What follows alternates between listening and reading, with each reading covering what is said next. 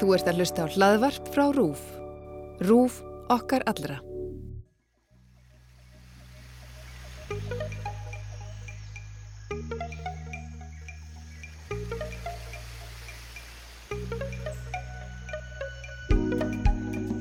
Góðan dag, þú ert að hlusta á X21 sem er kostninga hlaðvarp RÚF. Ég heiti Guðmundur Pálsson.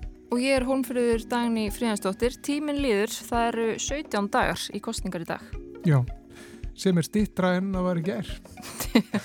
Það er síðast við þetta fyrir lóttið. Það eru margir náttúrulega að, að eh, gera upp hugsin þessa dagana. Og það eru margir að taka kostningaprófið, kostningavitan sem er á vegum félagsvísindastofnunar. Já, við höfum séð þetta, þetta eins og samfélagsmiðluna mikið. Fólk er að deila því uh, hvar það lendir á þessum kostningavita og það er spurning hvort að um, það ræðst á netinu hvað fólk kýs, veit það ekki. Nei, kostningapróf RÚF uh, fyrir loftið í næstu viku það er stemt að því og það eru efstu tíu frambjöðundir í hverju kjördæmi sem er núna í óðan að svara spurningum og prófið verður byrt í næstu viku. En uh, umræðan heldur áfram og við sáum nú Silfrið núna síðustu helgi, það var fjörugt. Já, líflegar við sagt. Já, líflegar umræður. Uh, og þannig að, að frambjöður eru nú að byrtast svona hér og þar í uh, viðtölum. Mhm. Svo var hérna uh, fórtusætið, það komið í gang hér í Já. sjónvarpinu. Tveir þættir búinir á því, það er formaður miðflokksins og sjálfstæðsflokksins sem eru búinir að koma í setið. Já. Við ætlum hérna á eftir að tala við fólk sem er hætt í pólitík. Uh, við ætlum að tala við uh, Guðmund Steingrímsson sem að stopnaði Bjarta Framtíð var formaður þess flokks og Katrínu Júliusdóttur sem var fjármálar þeirra, var varaformaður samfélkingarinnar. Við ætlum að spyrja þau aðeins út í hvernig þau meta þessa kostningabaratu og, og hvernig þetta er bara. Hvernig þessi ráðherra kapall virkar. Líka það, hvernig, hvernig verður maður á þeirra og hvernig myndar maður ríkistjórn og svo fráhís. Mm. En að því vorum að tala um umræðana og vorum að tala um, um uh, viðtöl og, og hérna pólitísku umræðu. Þá hittum við menn hér á, á göngunum. Við ætlum að byrja þetta á léttum nótum. Pólitísku þrýstingur í loftinu. Þegar maður gengur hérna úr gangana í uh, útashúsinu þá rekst maður á fólk sem er í þungum þangum og, og er svona að greina pólitíkina svolítið og allir hafa skoðun á pólitíkinni. Þið eru beinlinis að krifja máli núna og brjótandi merkjar eða ekki kostningapartur. Tvíhöfði þykir ekki verra en flest annan. Jú, þetta er bara reglulega vel orðað hjá þér. Þetta er náttúrulega einmitt það sem við erum að gera. Við erum að, að skapa uh, aðstæður, skapa rými til að, að mæta uh, pólitíkusum uh, sem uh, eru að bjóða sig fram til að já, stýra þjóðarskutunni. En við viljum þetta meira. Hva, hvað þýðir það? Hvernig ætlar að gera það? Hver, hver á að gera það fyrir þig? Og svo frá þess. Og hv- hvernig fer þetta fram? Hva, hvað eru það að gera? Við erum náttúrulega að mæta þeim á, á eins og hann sagði, jafningja grundvelli. Það er að segja sem manneskjum og, og hérna, því að við erum öll manneskjur. Ég meina við hrjótum sum okkar og við þurfum til þess- Bum. Já, já, Ég meina það er bara, það er bara hluta af því að vera manneski, það er bara hluta af því að vera lífvera. akkurat. Og, og þetta eru svona spurningar sem við leggjum undir, undir þessa fulltrúa stjórnmálaflokkana. Það er Ríkisjóður Íslands sem borgar fyrir tvíhöfða. Sko, Jón, þú, nú er þú, þú hefur verið pólitísku leittói. Þú kannski, að því að tala um jafningja grundvöldin, hefur þú ákveðið forskot eh, hafandi verið í þessu embætti, hafandi verið formar í stjórnmálaflokki, hafa leitt kostningabaráttu og svo frá þess? Já, auðvitað hef ég það. En, Fórskot á mig. Já, en ég, ég uh, læta það ekki þvælast fyrir mér. Ég, sko, ég færi mig bara niður á, á plan Sigurjóns, skilur. Nei, menn þetta er bara svona eins og, þú veist, tala við börn, skilur.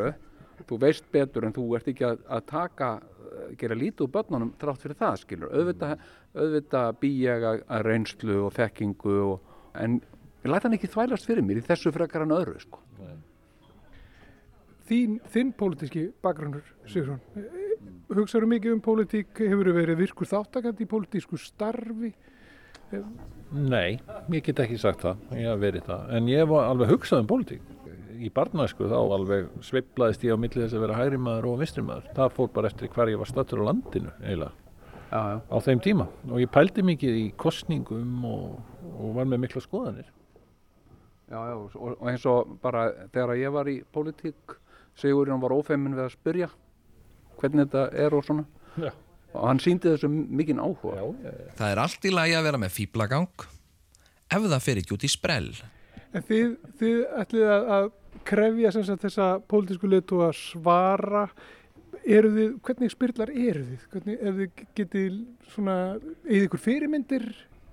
Sko, uh, Bogi er mér fyrirmyndi þessu eins og mörg öðru uh, og uh, ég reyni að nálgast uh, viðfangsefni við eða uh, kallum þið fórnalömb ég, sem sagt, ég reyni að nálgast fórnalömb mín sem sagt, með, með blíðu. Já, og, og svona lokkaðu til mín. Já, við, við svona leitust til þess að fórnarlömbunum líði vel í byrjun og þá byrjar þetta sko. Og þá eru varnirðan farnar sko. Eins og dýra á leið til slátrunar, er, þetta, er það líking sem þetta? Já, Já. það má, má, má orða það þannig sko. Já, þetta er alveg, alveg frábært sko. en samt sko af hóværið og vinsend að alla leið Það fara allir glaðir út sko. Rannsóknar blaðamennska. Við flytjum fréttir áður en þær gerast. Við stingum á kýlum og flettum ofan af spillingu. En samt alltaf með gleðina í fyrirrúmi. Hvað er stóra kostningamálið núna í ykkar huga? Ég meina það er eitt stort kostningamál sem er hvort, ab, hvort af nýju tveimur abbalögunum er betra og það eru þetta mér finnst aldrei leiðilegt með þessa uh, frambjóðandur so far Já, já. að þeir hafa lítið verið að hlusta á þetta Já, sko meira að segja ég er búin að hlusta á þau og mér fannst það bæðilegileg þannig að ég hef einhvern veginn bjóst við að aðrir væru betur að sér Já, akkurat I still have faith in you, and I will say, I never really thought I'd feel this way. Og finnst ykkur þetta að segja eitthvað um já, hið pólitíska landslag? Mér finnst þetta að segja rosa mikið bara um hvar við erum stödd sem þjóð. Uh, uh, öllum við að, að gangi í takt og hlusta á sömu tónlist eins og við höfum alltaf gert eða erum við, er einhverju nýjir tímar hér framöndan, erum við að, er eitthvað svona alþjóðavæðing sem er, að, sem er bara að valda því að já, hérna, Abba, já, býtu, já, ertu búin að hlusta á hann? Ég, nei, býtu, já, einmitt, ég var búin að glemja, skilur, já, ok, skilur, Ef við erum að kollvarpa kannski ykkur upp gildum, þá Það koma kannski einhver ný og óþekkt gildi sem að við vitum ekki hvernig er og sjáum ekki fyrir endan á. Nei, kannski einhver, uh, einhver, einhver alþjóðleg gildi sem þið ekki að finna í útlöndum, ég veit það ekki, sko, en, en þetta er ekki mín gildi, sko.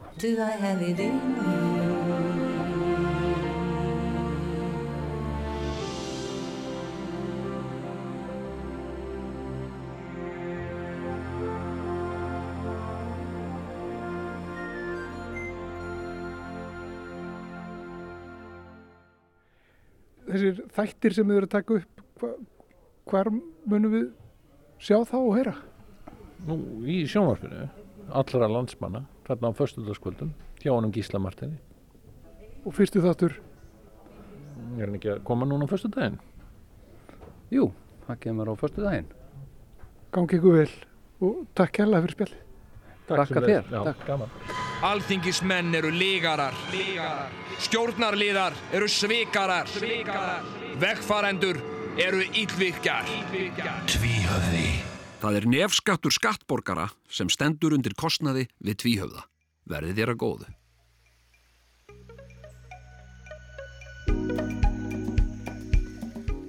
Það er nú bara byrjuð við. Ok, Hvernig var að gera það? Hvernig var að fara því? Hvað er þetta að býða okkur um? Það var að tala um pólitík eitthvað. við pólitíkina. Ekki byrja. Ég skal taka það. Það segir eitthvað alvarlegt.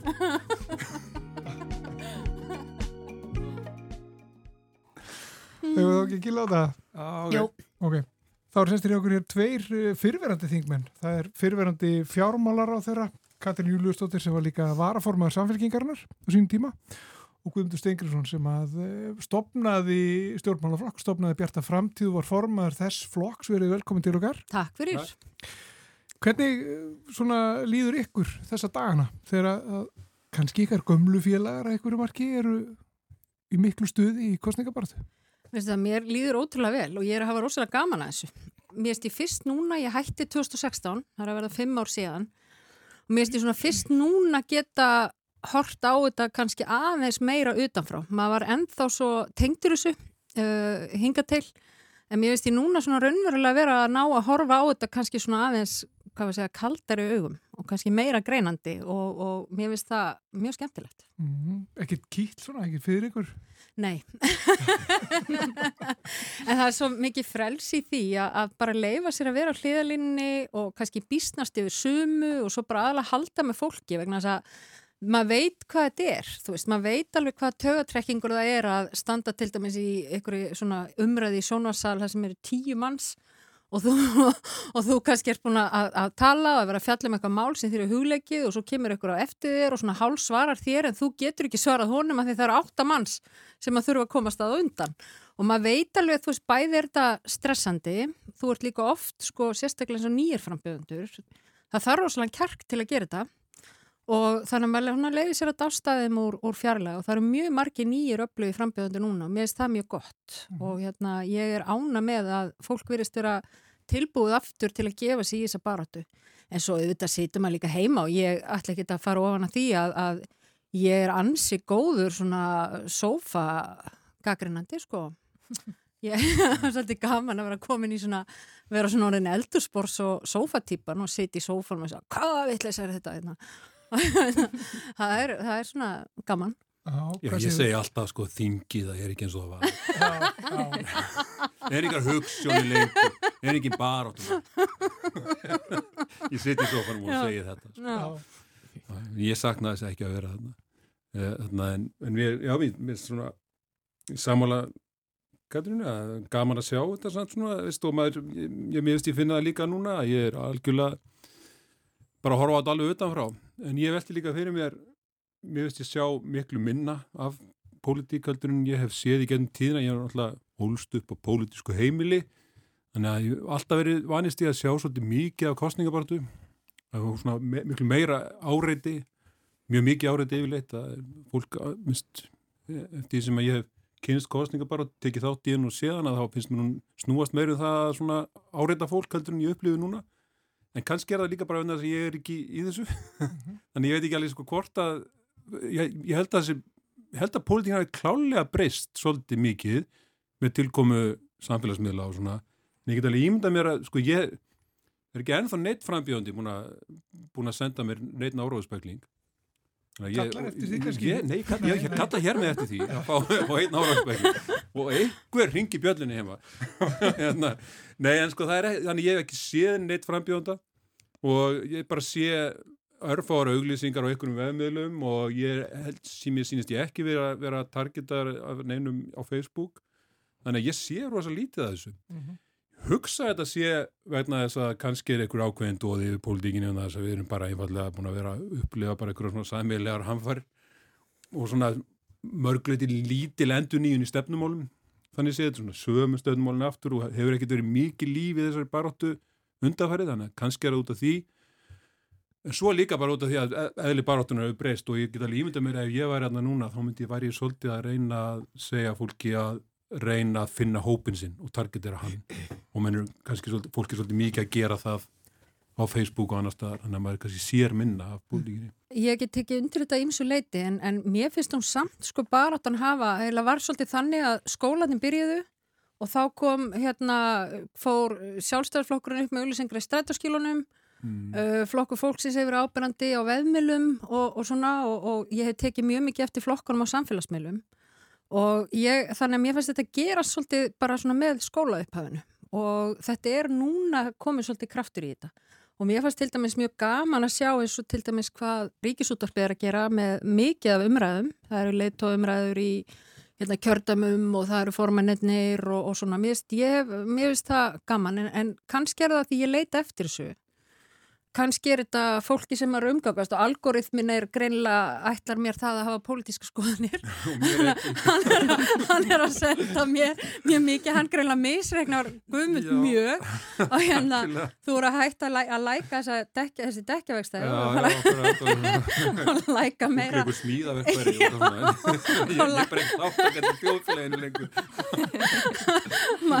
fara að læka meira af einhverju frambjöðutum og svona. Ég er bara að fara nú nokkra heimasíður, samt. Já, og, já. hérna, og, veist, alveg segja en það, er kannski, en það er kannski líka því að hérna, þetta er, þetta er alveg rétt, þetta fer seint á stað en, en ég held að hefði engin vilja endilega eftir allt þetta sem undan hefur gengið að, ha að hafa mikið, af, mikið læti í sumar og þú veist við erum bara svona haustið að fara á stað og þetta er náttúrulega skrýðin tími fyrir kostningar og ég öfundu það eiginlega ekki af því þú veist, það, Mhm. það er erfitt að koma úr sumrinu beintin í svona snarpa baráttu, ég menna þegar við guðmundu vorum í þessu þá höfðum við alltaf svona kannski það var lengri, lengri aðdraðandi maður hafði veturinn og fólk í rútínu og svona þannig að ég held að þetta getur orðið svona snarpar þrjár vikur sem við sjáum á næstunni.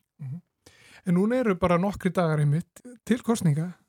Hvað væri þið að gera, haldið þið, ef að þið lítið núna tilbaka? Væri þið á flegi ferð, væri sólaringunum bara, Já, væri þið sofandi fjóra tíma og... Svolítið eftir í, í hvaða kjördæmi maður er. Mhm. Ef maður er á, í landsbyggakjördæmi þá væri maður á þeitingi núna út um allt og það snýst þú að mikið um að láta sjá sig eða minnst þú veist ég gerði það það sko og held að gera það alveg ennþá og það eru fundir hér og þar og ofta ekkit mannmargir en þú, það fréttist hvort þú mætir eða ekki en ofta er þetta svona bara og mjög, víð, mjög stór kjördæmi mörg, bara risastór en þú ert mjög mikið í bílnum og, og gott að hafa eitthvað til að hlusta og þannig að það er, það er, svona, það er svona meira návi og svo en ef þú ert einn í Reykjavík eða í suðvestri í Kraganum þá er það líka reynda, þá ertu mjög mikið að fara kannski stóra vinnustæði og svoleiðis og reyna eitthvað að ná eirum fólks þar. Býst við að það sé nú örglega en þá og þetta snýst fóða mikið um það á þessum tímapunkti að vera, vera sínilegur og ferðinni og reyna að ná einhverju svona einhverjum tengslu við fólk? Ég held get tekið undir þetta sem að maður auðvitað er að gera er bara að vera aðgengilegur. Þú, veist, þú, þú gefur kost á samtali og það gerur með því bara eins og maður stóðnum fyrir utan ófáar vestlanirnar á föstas eftir mig degi eða, og bauð upp á samtal Þú veist ekki að þykjast vera bara eitthvað nýkonu búðinni, eða þú, þú bara varst að býða til fólki. fólk Ég var bara, að nei, nei, ég, ég, ég, var, ég var aldrei að leina því að ég var bara satt fyrir því, sko. En að- nei, en maður reynir nú svona að vera semi upp á þrengjandi, en, en maður býður upp á samtal já. og svo stóð maður kannski mitt í ykkur versluna með stöð eða þá að, að heimsótti vinnustæði allan daginn. Ég held að, að núna sé þetta jafnvel ennþá meira svona vegna þess að neysla á fjölmilum, það er ekkit, þú býrði ekki til eins og var gert hérna 2003 að þá er hlaðið í alla, gegnum alla kostningabartuna í loka skilabóðin sem er eitthvað svona auglýsing á í öllum prentmiðlum eða eitthvað svona sem koma modni kjördags eða daginn áður. Þú getur það ekki lengur að því neysla á fjölmiðlum er orðin allt önnur. Já, Og núna þarft einhvern veginn, ég held að, að það sem að, að þú þurfur að gera í dag, þú veist, ég, man, ég var rifjað oft upp sko þegar ég var að byrja í þessu 2003 að þá var bara algjör jackpot ef þú komst í kvöldfrettir ríkisútarsins að því þá vissur að bara nánast allir höfðu heyrt skilabóðin. En núna þá þarftu bara að vera svona lús yðin, þú þarft að vera allstaðar og þú þarft að gera líku við eitthvað á klukktíma fresti á samfélagsmiðlum. Já, minna ítrekkað á þig. Þannig að þetta er svolítið öðruvís í dag og ég held að maður geti ekki alveg sett sér í þessu spór. COVID hefur líka kannski breytt þessu svolítið að því að það er ekki gott að lendi í sótkví núna að fara inn á stóra vinnustæði og þau eru eitthvað að gera það, sé ég, ég mitt á samfélagsmiðlum en kannski ekki jafn mikið og þið voruð að gera. Nei, alveg klálega, það er náttúrulega, það er allt innu komið þetta nýja matsatriði, sko, hvort þú er að taka áhættu með að fara inn á okkur á staði og svoleiðis og hérna, það er náttúrulega var aldrei, aldrei til dæminu, lítur að hafa áhrif núna. Ég hugsa að breytingi sé svo að þú getur henni verið í kostningabortu núna og verið bara heima hjá þér á náttutónum. Já. Ég held að, veist, það er alveg fræðilega möguleiki og getur bara einu stór sigur, játnvel, þannig. Já. Og Er bara, einhver- og játnvel kannski bara betra. Já, ég veit það ekki. Ég, Gæti verið. miklu, miklu meira heldur en, heldur en var. Minnstakosti heldur þessi alveg óheikahægt að segja að þú gætir bara alveg virkilega gert góða kostningabartu þannig. Mhm. Í þessu litla netvæta samfélagi þá gætur þú bara verið bara, já bara heimaður köp, köplótum náttúksum og, og bara, bara unni stóra sigur. Það alveg, og það var ekki alveg veruleikin að glitt í hann þegar við hættum á þingi. það var, það, var, það var komið svona ráðleikingar um það hvað það ættir að gera á Facebook og Instagram og allt þetta og en það kunni einhvern veginn enginn alveg á það en það var, vorum öll að reyna en við vorum ennþá með þessa kanala og mín þáttakaði kostningabaróttum í gennum tíðina og áður en ég hóf beina afskiptu á stjórnmálinn snýrist rosalega mikið um samskiptu við auðlýsingastofur og, og hanna þessi skilabóð sem við stáður, geiftar heilsýður í blöðunum og, og einmitt þessi ro, rosa áhersla á loka auðlýsinguna og þetta voru oft mjög snarpa röggræður um hvað þetta veri í þessum auðlýsingum og svona og, og mjög miklu einmitt svona skýrari kanalar held ég að mörguleiti sko. mm. Nún eru bara með þjóðu sem að horfir valla lengur á línulega dasgra mm. og þú þátt að reyna að nálgast þetta öðruvísu og það getur verið spennandi breyttu veruleiki frá því að ég var í stjórnmálum og við. Mm -hmm. og mjög aðtiklisverður og spurning hvernig stjórnmálinn þróast áfram í þessum heimi, sko, kannski er það bara allir heima á þessum náttutónum í næstu kostningabortu Já, ég held sko, ég held nefnilega að þú getur gert rosalega mikið á samfélagsmiðlum sem þú gast ekki áður og þú getur verið miklu aðgenglegri Þú getur bóðið bara upp á samtal, live samtal. Blöðin voru að bjóða upp á þetta þegar við vorum í kostningabortu. Sko. Settist menn og rýðst og divaf og tók við og fóru henni bara inn á Messenger. Sem... Akkurat. En núna getur bara hver sem er gert þetta og mér finnst þetta að býður upp rosalega mikla möguleika. Þegar við vorum kannski að hætti þessu, þá var maður ennþá á þeim stað að, að sko Facebook og svona samfélagsmiðla voru svo prívat svolítið að, að maður var svona, manni fannst maður að vera hálfpartin að koma heim til fólks með að vera mikið að reyðjast svona skrifa því, skiljiði. En núna er það gjör breytt, þú veist, það er allt orðið miklu opnar á viðukendar að þetta sé nota sem, sem leiðin. Sko. Þannig að þurfum að tala um netið og allt þetta, sko, það er kostningapróf núna sem að gengur svolítið mm -hmm. og, og það er settur upp svona svolítið svona kompás og maður lendur á hvernig stað. Er þið búin að taka þetta próf? Já, já. og lendu þið á þeim flokki sem að, eða nálat þeim flokki sem að þið sátu að þingi fyrir á sín tíma? Já, ég ger það. Þú gerir það? Vísna nálagt, já. Myndur við kenna að þú er ekki gert það? Já. Nei. ég, hérna, við skulum orðaða þannig að þetta var, þú ert að tala um hana kostningavitan. Já, já, já, einmitt. Og hérna, ég tek öll svona próf. Ég tek líka próf, þú veist, hvort ég viti nógu mikið um, um Dirty Dancing, sko. Ég alveg, Þú veistu nógu mikið? Já, heyrðu, ég fekk 100%. Nei. Jú, jú, jú, jú. En það voru, hérna, í mínu tilfelli var það þannig að það var svona, það voru tveir flokkar sem að ég lenda á bísnanálat hver öðrum og svo var svona lengra í hinna. Þannig að já, ég og bara... annar þeirra var samverkingin, þinn gamli flokkur. Já. já. Þú búin að taka þetta próf? Nei, þetta er ekki bóðum að þinn, taka þetta hefur ekki komið inn á, inn á hérna samfélagsmiðluna mína. Þinn flokkur er svo sem ekki til Nei, hann er ekki til. En, en hérna... Þannig að ég feiki kannski niðurstöðuna Þinn flokkur er ekki til. Þú veitir bara kannski ekki Þú þarfst að prófa prófa þetta? Já, ég er að prófa þetta. Og mér líður í alvöru svolítið þannig eins og minn flokku sé ekki til sem er rétt. Þannig að þegar ég myndi, ég væri rosalega, ég er mikið á höttunum eftir frjálslindum umhverfisflokki og e, bóða hér með stopnum þess flokki á náttúrunum á náttúrunum Nei, ég, er svona verið ég, hérna, ég hef, hefði viljað sjá þannig flokk kannski, allir flokkanir eru mikið að tala um umhverfismál en ekki kannski alveg alla leiði eins og ég myndi vilja sjá það. Mm -hmm. En samt, það er, það er margt áhugavert í þessum er að segja. Mm. Ég veit alveg hvar á ástnum ég er sko. Veit alveg hvaða flokka ég kýs ekki. Þannig að ef svo neðustag kemur upp á svona prófið þá þurft ég að vera mjög ósámlega Mér finnst svolítið, svona, mér er svolítið áhugavert að sjá að þegar maður horfir yfir flokkana og horfir á þá sem eru í viðtölum og, og þá sem eru að tala fyrir þeim og svona og maður er svona komin aðeins lengra frá þessu að þá sér maður líka rosalega líkindi með mörgum flokkum og fær maður til að velta fyrir sér akkur eru þeir svona margir, þú veist? Að menn get ekki einhvern veginn bara left sér að það einhvern veginn var svo mikið óþól fyrir því að menn tækjust á innan flokka og akkur geta menn ekki bara leift sér það, þú veist, það er allt í lægi og þú veist ekki vera 100% sammála, ég var aldrei kannski 100% sammála, hvað við myndi í öllum málum en meiri hlutanum ég það ok, jú, ég hef kannski meira sammála hún með mörgum öðrum. En þið viti hvað ég meina veist, við, við verðum stundum að leiða okkur bara að, að rökræða. Og ég hef svolítið ágjörð þess að við sáum eins og könnun hjá frá maskínu núna að við erum að sjá eitt flokk með 12 og við erum að sjá 5 flokka með 8 þingmenn og eitt með 5 ef ég er að munið þetta rétt. Þú veist þessu eitt flokk með 17 Eitt flokk með 17, mm. einmitt, já og hinn er með næstu, svo eru 5 með 8 var það ekki þetta segir mann það eh, fær mig til að hafa ágjör af því að núna eru við kannski kjósendur með, hérna, með mikla vendingar og um það að allir standi við sín kostningalofórð og svo byrjum við að bölva og ragna við því að enginn standi við það sem þið lofi flokkar með átta þingmenn geta það ekki og ég hef svolítið áhyggjur á því að við erum komið með mikið af svona hálf umbóðslitlum flokkum og hvað þýðir þetta í raun og veru? Hvað erum við að kjósa? Mér finnst ekki, droslega skýr mynd þannig að með þessu er ég semst að kalla eftir því að menn kannski bara ræði meira saman og reynir svona að mynda það allavega blokkir eða gefa okkur svona kannski skýrari myndaði sem að framöndan er. Myndin er pínu óskýr. Já, ég sammála þessu, ég held að þetta, ég er með mína kenningar um þetta, okkur þetta er að hefur gest að eitt sem er svolítið sérkynlegt við, við íslenska pólitík og maður upplifir núna er að það eru afskaplega að fá ný baróttumál. ég sé þið eitthvað ekki, ég sé ekkit svona, það er ekkit hita mál núna okkur þetta í mómentinu, þetta eru, veist, það er ennþá sem verið að spája að breyta kótakerfinu og ný stjórnarskráð er þarna og ykkur segir ESB og Veist, þetta er bara svolítið gömlu bæklingarnir, komnir aftur og, og hérna, jú, lofslagsmálinn er orðin svona meira en fólk veit ekki alveg hvað, hvað á svona sjálfur sér að deilum þau, þau eru bara aðstegjandi vandi og, og rétt nefnt hittamál, því að jörðin er að hitna.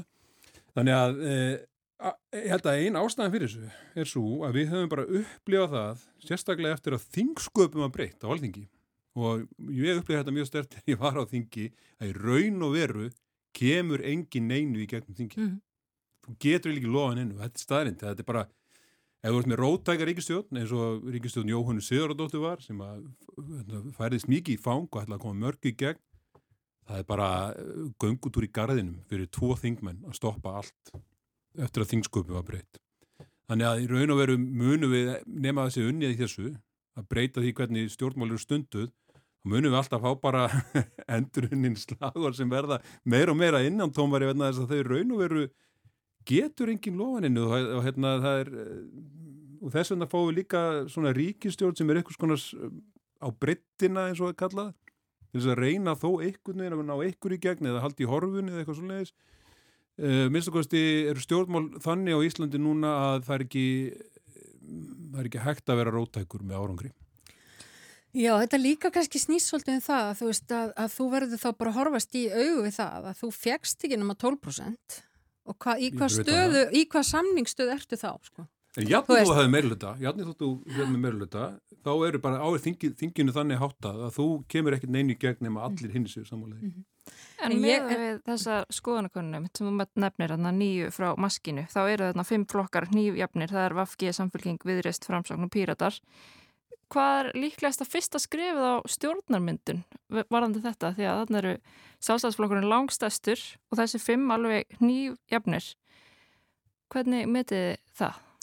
Sko þetta er nefnilega aldrei snúin mynd. Þú veist, þú getur alveg sagt að svona langstæsti flokkurinn eins og þess er í þessari konun og hann ætti nú kannski að allavega að byrja að fá að mynda ríkistjórn, þú veist, að fá, fá umbúðið til þess, nema ef að menn hafa kannski í aðdraðanda kostninga gefið eitthvað ádrátt um eitthvað ákveðið samstarf milli þessara flokka sem er að mælast þó þetta stórir að, að, að þeir geti náð uh, hérna, þingmeri hluta að því að ég veit ekki alveg hvað stöðu menn eru annars í sko eftir kostningar og sérstaklega þegar að, að fólk er að ganga kjörborðinu og það veit ekki alveg hvernig menn ætla að para sér saman veist, þetta er, þetta er aldrei snúin mynd og það getur allt gerst. En það sem að mér finnst samt hérna, ég er ekki alveg sko, alveg sammála guðmyndu öllu leiti með það að mér finnst eitt aldrei ábyrrandi í þessari kostningabortu það er mikið talað um heilbriðismál og mér finnst frá þætti til þáttar þá finnst mér menn vera að byrja að tala sér svolítið saman um þau Uh, mér finnst samtali sem er eiga sér stað um þau góð menn eru orðnið sammálu um það að það er engin flokkur sem er beinlýnins hérna, sem vil enga væða það en menn eru hins vegar kannski deilum hlutfall enga rekstur sem hefur ofinberi á að stýra því og svo framvegis Menna, það er til dæmis eitthvað sem ég sé fyrir mér að, að menni að grýpa eftir kostningar og segja, heyrðu, ok, nú skulle þá setjast niður þverja politíst og, og finna einhverja leiðir til þess að bæta það sem bæta þarf. En, en það er ákveðið svona áhyggju efni ef að ég til dæmis væri formaður í flokki sem að fengi 12%. Maður veldur auðvitað fyrir sér hver er mín sko samningstaða, veit ég hvað við? Þetta er svolítið svona, þetta er snúið. Ég get ekkert komið bara slengt á borðið og sagt, heyrðu, ég á að ná mínum kostningalofurðin fram að öllu leiti. Þú ert ekki í þannig stöðu, þannig að úrverður að þegar maður kýst þá þarftu bara að kjósa fólk sem er skinsamt og praktíst og þú veist að mun taka góðar ákvarðanir byggt á eitthvað ákveðinu hugmyndafræði og það er það sem þú hefur en það er pólitík svo sem ekki þannig að hún snúist engungu bara um það að heilt kjörtumabil séu menn bara að, að efna kostningarlóðin sín vegna þess að eins og við vitum að þá snýst þetta líka um óvæntar uppakomur þú ert að reyka samfélag og það gerast alls slutir og þú vilt bara geta trist þeim sem að eru við stjórnvölinn til að taka bestu ákvarðinir þegar það gerist. Það getur komið heimsfaraldur. Það getur allt Já, gerst. Að að kjósa svona líka bara sitt identity. Já. Svona hvar sína sjálfsmynd og svona bara svona fólki sem maður treystir. En ég er ekki alveg vissum að ég held að það sé ekki sterkur leikur þó að sam, maður ekki flokka að gera það að, að leggja upp með eitthvað svona afakosti. Að umhverju býður ekki upp á það. Þeim spýrat að segja fær ekki ríkistjórnum að komi ný stjórnarskrá og því miður, þá er pólitingin þannig að þá fara píratar í ríkistjórn til dæmis, þannig að þú getur ekki gert neitt svona, þannig að þú eru helst að leita þá að sem við erum að sjá, þá er einhverjum samhljómar að myndast í heilbreyðismálum það geta á að vera tíðindin úr þessari kostningabartu og það mun þá benda til þess að raunverulega eitthvað gerist á heilbreyðismálum en ef það er ekki samhljómar um hlutina virðist vera, þá gerast þeir ekki. Nefn þetta verður kannski þannig að, að það sitist niður fimm flokkar og segir ég fær þetta og þú fær þetta og eitthvað svona og svo mm. bara, ég meina en, en þetta er snúið þegar að kjósendur gefa heldur ekki alveg kannski skýra mynd af sínu vilja.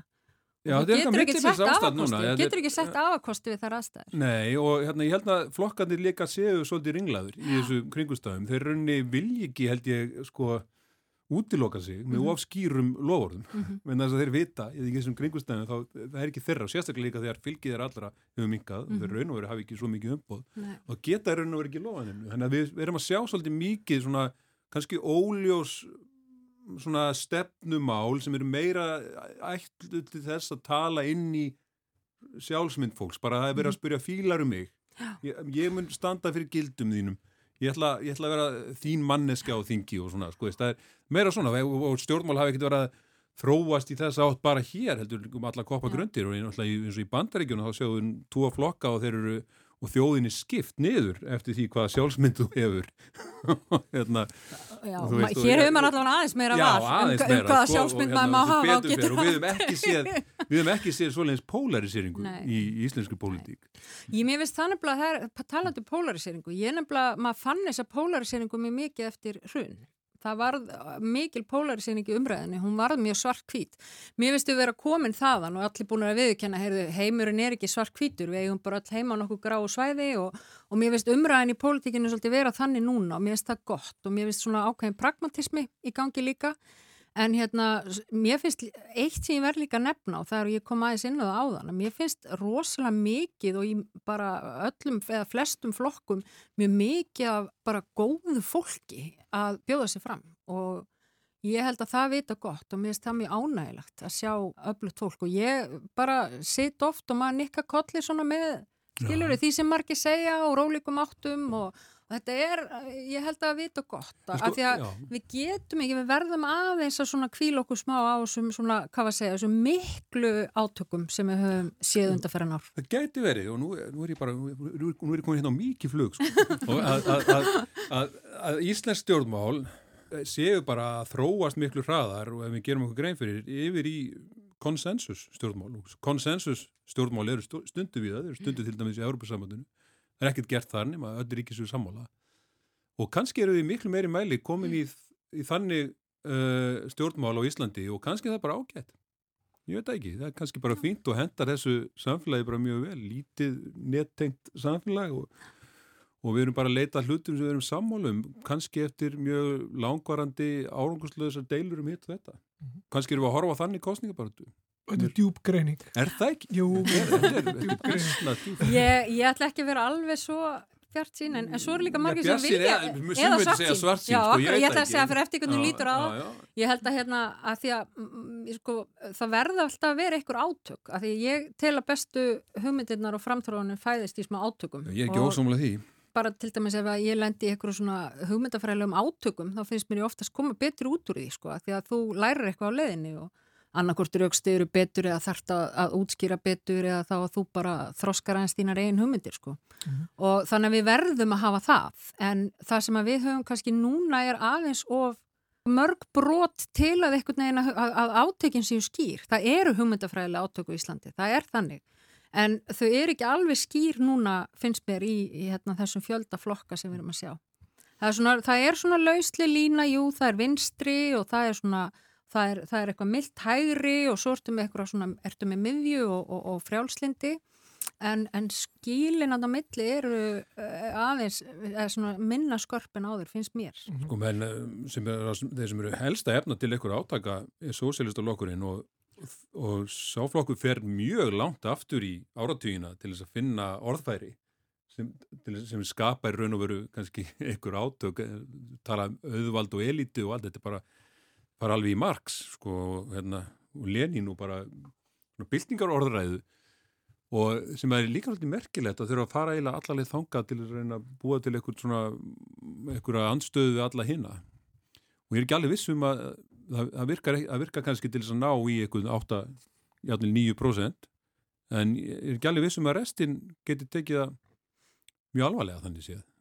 Að fólk kannski fólk verður líka að upplifa þessi átök og kannski eru við líka bara ekki að upplifa mikil átök á Íslandi í dag og kannski sérstaklega á þessum tímum þar sem við hefum bara verið búin að hlusta á þríegi núna í átjámániði Já, og, við erum kannski er þetta bara og, og bara aðalega veltaður okkur hvort að kári sér ósamlega þómi og eitthvað svona. Nýjastu fréttir um það. Hvernig, hvernig skapir kári í dag og eitthvað svona. Þannig að það er örglega svakalega erfitt að að brokka inn á pólitíska sviði núna með einhverja svakalega gunnfána sko. Mm -hmm. Mér finnst samt sko, hérna, mér finnst að hafa verið pínlítið hressandi að heyra þessi, þessi orðræði hjá hérna sósaldaflöfnum, kannski að því að þú er maður á svolítið rætur í þessari hreyfingu og mér finnst þetta svolítið hressandi en hérna af því að það eru þetta og það hefur nú aðeins verið talað um þetta eins og ég umræðum um hérna eins og til dæmis samfélkingin hefur verið að tala um hérna setja svona stór eigna skatt og, og eitthvað svona að þá eru þetta þarf að ræða eigna ójöfnuð og það þarf að ræða allir þessu hluti því að þó að við séum kannski ekki ef maður hef ekki verið mjög mikið var við hérna deilur um það núna í þessari kostningabartu hinga til að þá er þetta samt auðvitað mál sem við vitum öll að við þurfum einhvern veginn að tækla, það eru öll land í heiminum að, að fást við þetta. Uh, þannig að, að það, eru, það eru stór undirleikjandi málaðna sem að, að við þurfum auðvitað að ræða. Og... Það er í sammála, það er fullt af risa stóru mál, en, en, þeir, en kannski er ég bara að segja sko, að, svona, að stjórnmálinn eins og þeim er háttað, þið er ekkert endilega alveg vettfangurinn til að eiga sko, reynskipnar, sko, eitthvað svona átaka pólitíska samræðu um þessi mál. Mm -hmm. Það sé svolítið áhugaverð. Hérna, Já, ég held að það sé bara sko. því að við erum, það eru of margi flokkar með of líka hugmyndafræði sem að sko gera það verkum að slagkraftinu verði minni. Mm. Ég held að sé bara of mikið af, af, af flokkum og margir þeirra eru of líkir. Þannig að saminist þið bara og hérna setið slagkraft í þetta. Það er bara tóflöka. ef við skiptum aðeins í gýr og veltum fyrir okkur aðeins hvernig kaupin gerast á eirinni hvernig mynda maður ríkistjórn hverjir er að tala saman núna nú þegar, er fólk að tala saman? Það er náttúrulega ríkistjórn sem er e, núna við völd sem að hefur svona gefið það í skýna það sé nú eðlilegt að þau byrja að tala saman ef að, ef að þau fór stuðning til þess. Aðrir, einhvern veginn er, er fólk að ringja aldrei og svona ég, já, ég sé nú ekki... þess að nýju könnun þá er nú séðan sérna og þessi sé inni og Ég myndi alltaf að fólk var ekki mikið að tala saman, það er ekki allavega mín reynsla, ég held að það sé engin sko, engin kvati til þess að stjórnmála fórustu fólki að binda sig eitthvað núna. Ég held ekki, ég held að, að þú vilt ekkert láta herma upp á því eitthvað sem þú sagðir mér í kostningabaróttu við eitthvað. Þú veist ekkert hvað kemur upp um kjörgóðsónum og, og hérna, þannig að það er bara ekkert neinum í hag, en að myndast í þessu ofta einhverju svona einhverjar bakdir og einhver undirgöng á milli flokkana, maður þekki mann og einhver skilabólaðin ganga en ég held að sá tími, hann rennur nú helst upp svona bara líku við á kjördag og síðan mm -hmm. kostninganóttina og, og svo áfram. Og byrja símin að ringja þá? Er það á, á kostninganótt? Já, svona þegar þú fer kannski að sjá betur á, á spilin, þú veist mm -hmm. að þú hefur svona nokkuð góða hugmynd kannski út frá konunum í, í síðustu dagana En hins vegar að þá er eitt sem mér hefur oft svolítið þótt gaman að segja frá og ég, maðurum minn nefndi nú eitthvað tíma þessir að því hann kynntist mér nú þegar ég var í pólitík. Það er miklu minna af einhverju svona útpeldur í leikjafræði heldur en fólk heldur í stjórnmálum mm. og hérna þetta er ekki svona þetta er ekkit eins og hérna hvað heita allir þessi sjónastættir Mhm. þar sem að menn eru í ykkurum æðuslum langtíma leikjum, þetta er ekkit þetta er miklu minnum það heldur en fólk heldur og eitthvað svona eitthvað reppar í stjórnmálum Já, veist, er þetta meira, ég myndi segja að það væri miklu meira innan flokkana Mi- já, akkurat, en það- það er innan minna flokkana um- er miklu meiri svona refsleiti Það, það er, þetta, er, þetta, er ekki, þetta er ekki þannig að menn sé einhvern veginn í lagstir yfir einhver æðislega geimplön sko. En þegar að, þegar að fólk fyrir að átta sig á þessu, þegar að uh, stjórnmála lituvarnir og, og aðrir plottarar eru farnir að, að átta sig á stöðunni Mhm. þá, þá, þá byrja vantarlega símtölun og þá byrja bóðin, það er vantarlega já, því, við erum tilbúin til þess að láta ykkur fá þetta ráðunitti og svo framvís, erum við komin alveg þangað strax á kostningarótt Nei, ég held ekki, ekki nema kannski að, að, að, að það hafi átt sér stað einhver svona þreyfingadagana undan sem að, því að menn hafi haft svona nokkuð skýra mynd af því hvað koma skildi uh, en uh, þá ég held að menn fari ekki að ræða ráðuniti fyrir eftir sko En að því séð innan, innan flokkana, en er fólk að ringja og segja, erði ég vil fá hérna ráðarastól? Gerist það þegar að er ljóst að einhver er svona nokkuð líklega á leiðinni í ríkistönd? Einhverjir getur gert það en, en ég held að það sé ekki almennareglan. Nei, ég held að það sé meiri upp á borðinu svona í þessum gömlu flokkum Já. sjálfstæðarlokku og framstæðarlokkum sko, að það er meiri þannig bara átt að þar sko, held ég og hún, hún fer alveg nánast fram fyrir ofnum tjöldum til dæmis sjálfstæðarlokkum Prókjörunum og svona. En að því að þú ert nú alveg upp á pólitísku heimili, eins og þú sagðir, jú. hefur þú bara beilis voru vitni að uh, myndun ríkistjórnar, bara veldursporið heima hjá, Já, já, ég heima hjá þér og þegar, eftir því. þegar Ég- pappi þinn var Já, já. fórsættis á þeirra og... man alveg eftir kostningabaráttu voru alltaf heilmiklu viðburðir á mínu he- heimili og, og hérna ég man alveg eftir því frá blötu baspinni að fylgjast með þessu og ofta náttúrulega rosa mikil spenna í kringu það, hérna, pappi fekk umbúðið og eitthvað svona og þá fóru, fóru stjórnmáleituðanir að streyma inn í Máanes. Tala með hann þar einn og eftir öðrum. Mann sérstaklega eftir svavari gessinni það var svo stórstígur einhvern veginn þegar hann gekk þegar hann gekk inn stjettina og e, spjallaði aðeins við mig hann í eldhúsinu þegar ég var svona átt ára. Og ég, þegar ég var aðeins eldri þá fór ég nú að liggja á hleri að Þú lifar svo spennandi lífi. Mér finnst þetta geggjað. ég fann stað í, fann stað í hérna á, á- heimilinu það sem ég gætt sko sem var á milli hæða í steganum þar sem ég heyrði sko hvað var að gerast inn á skristofu hjá pappa og, ef, og, ef það, og hann sá mig ekki sko og, hérna, og líka, ef fundurinn fór fram inn í stofu þá heyrði ég það líka það sko Hvað, var, hvað fór fram á þessum fundi?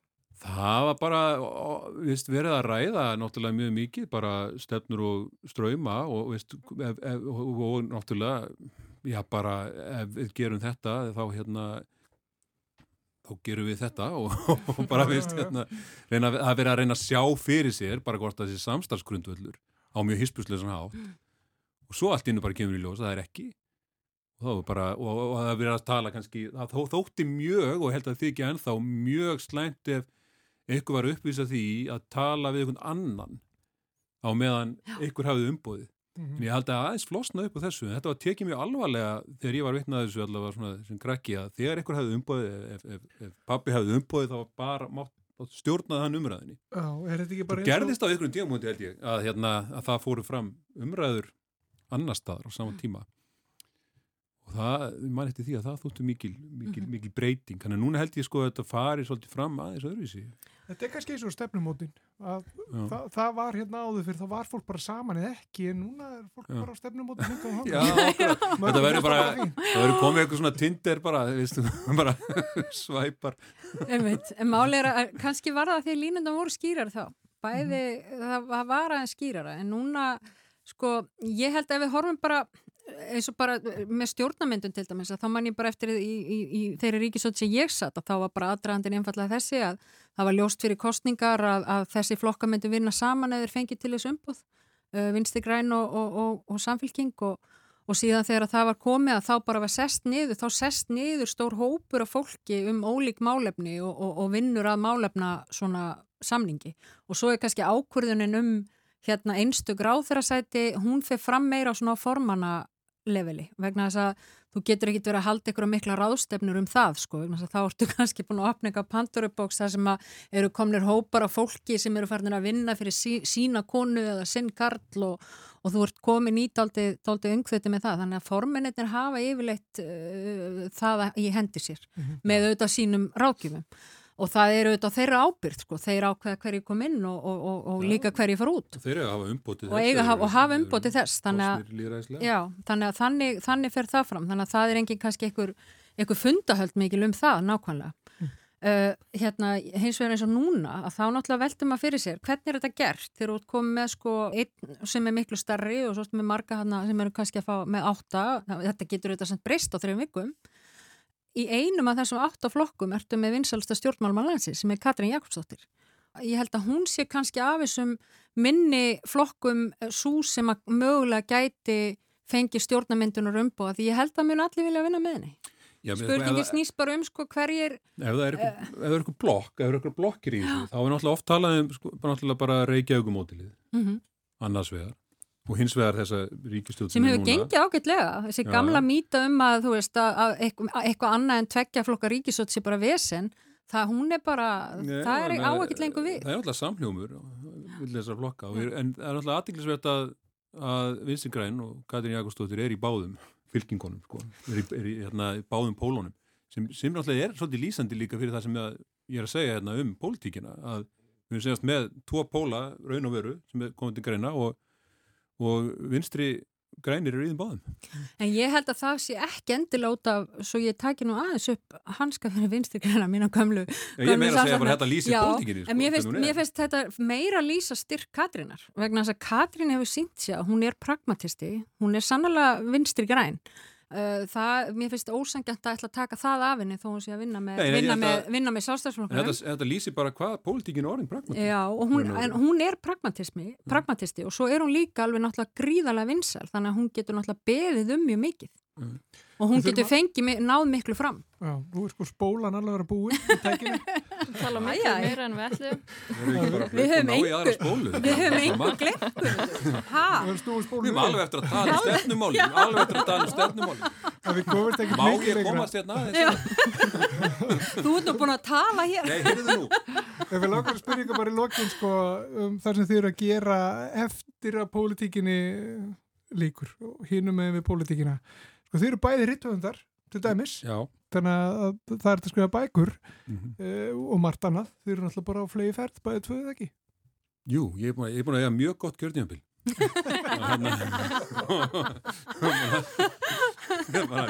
Alveg einstaklega gott. Ég er búin að hérna...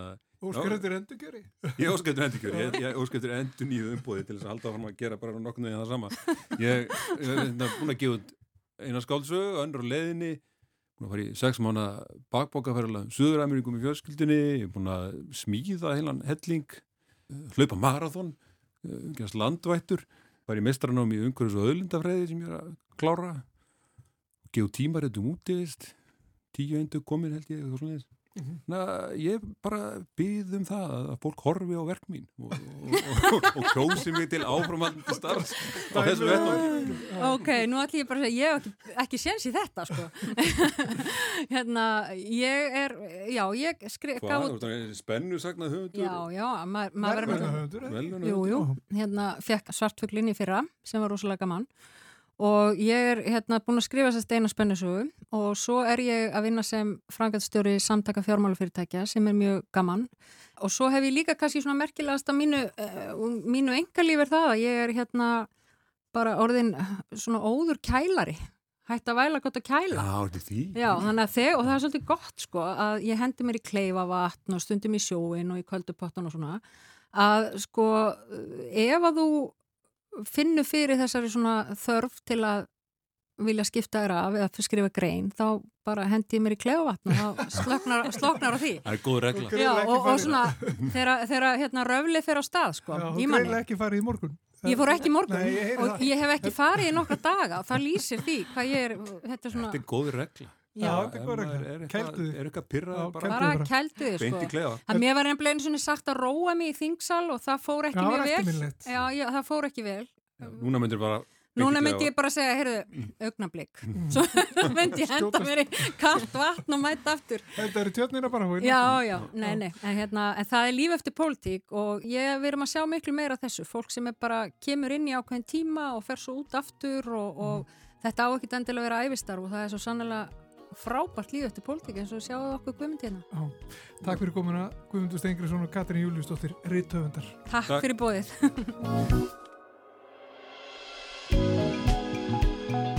Þá var þessi þáttur af X21 kostningarlaðarpi rúf ekki lengri í dag. Nei, en á morgun þá ætlum við að halda áfram að ræða við nýja frambjöðendur og á morgun er það fulltrúi Pírata sem mætir til okkar.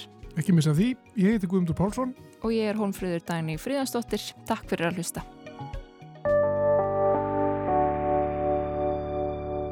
Rúf okkar allra.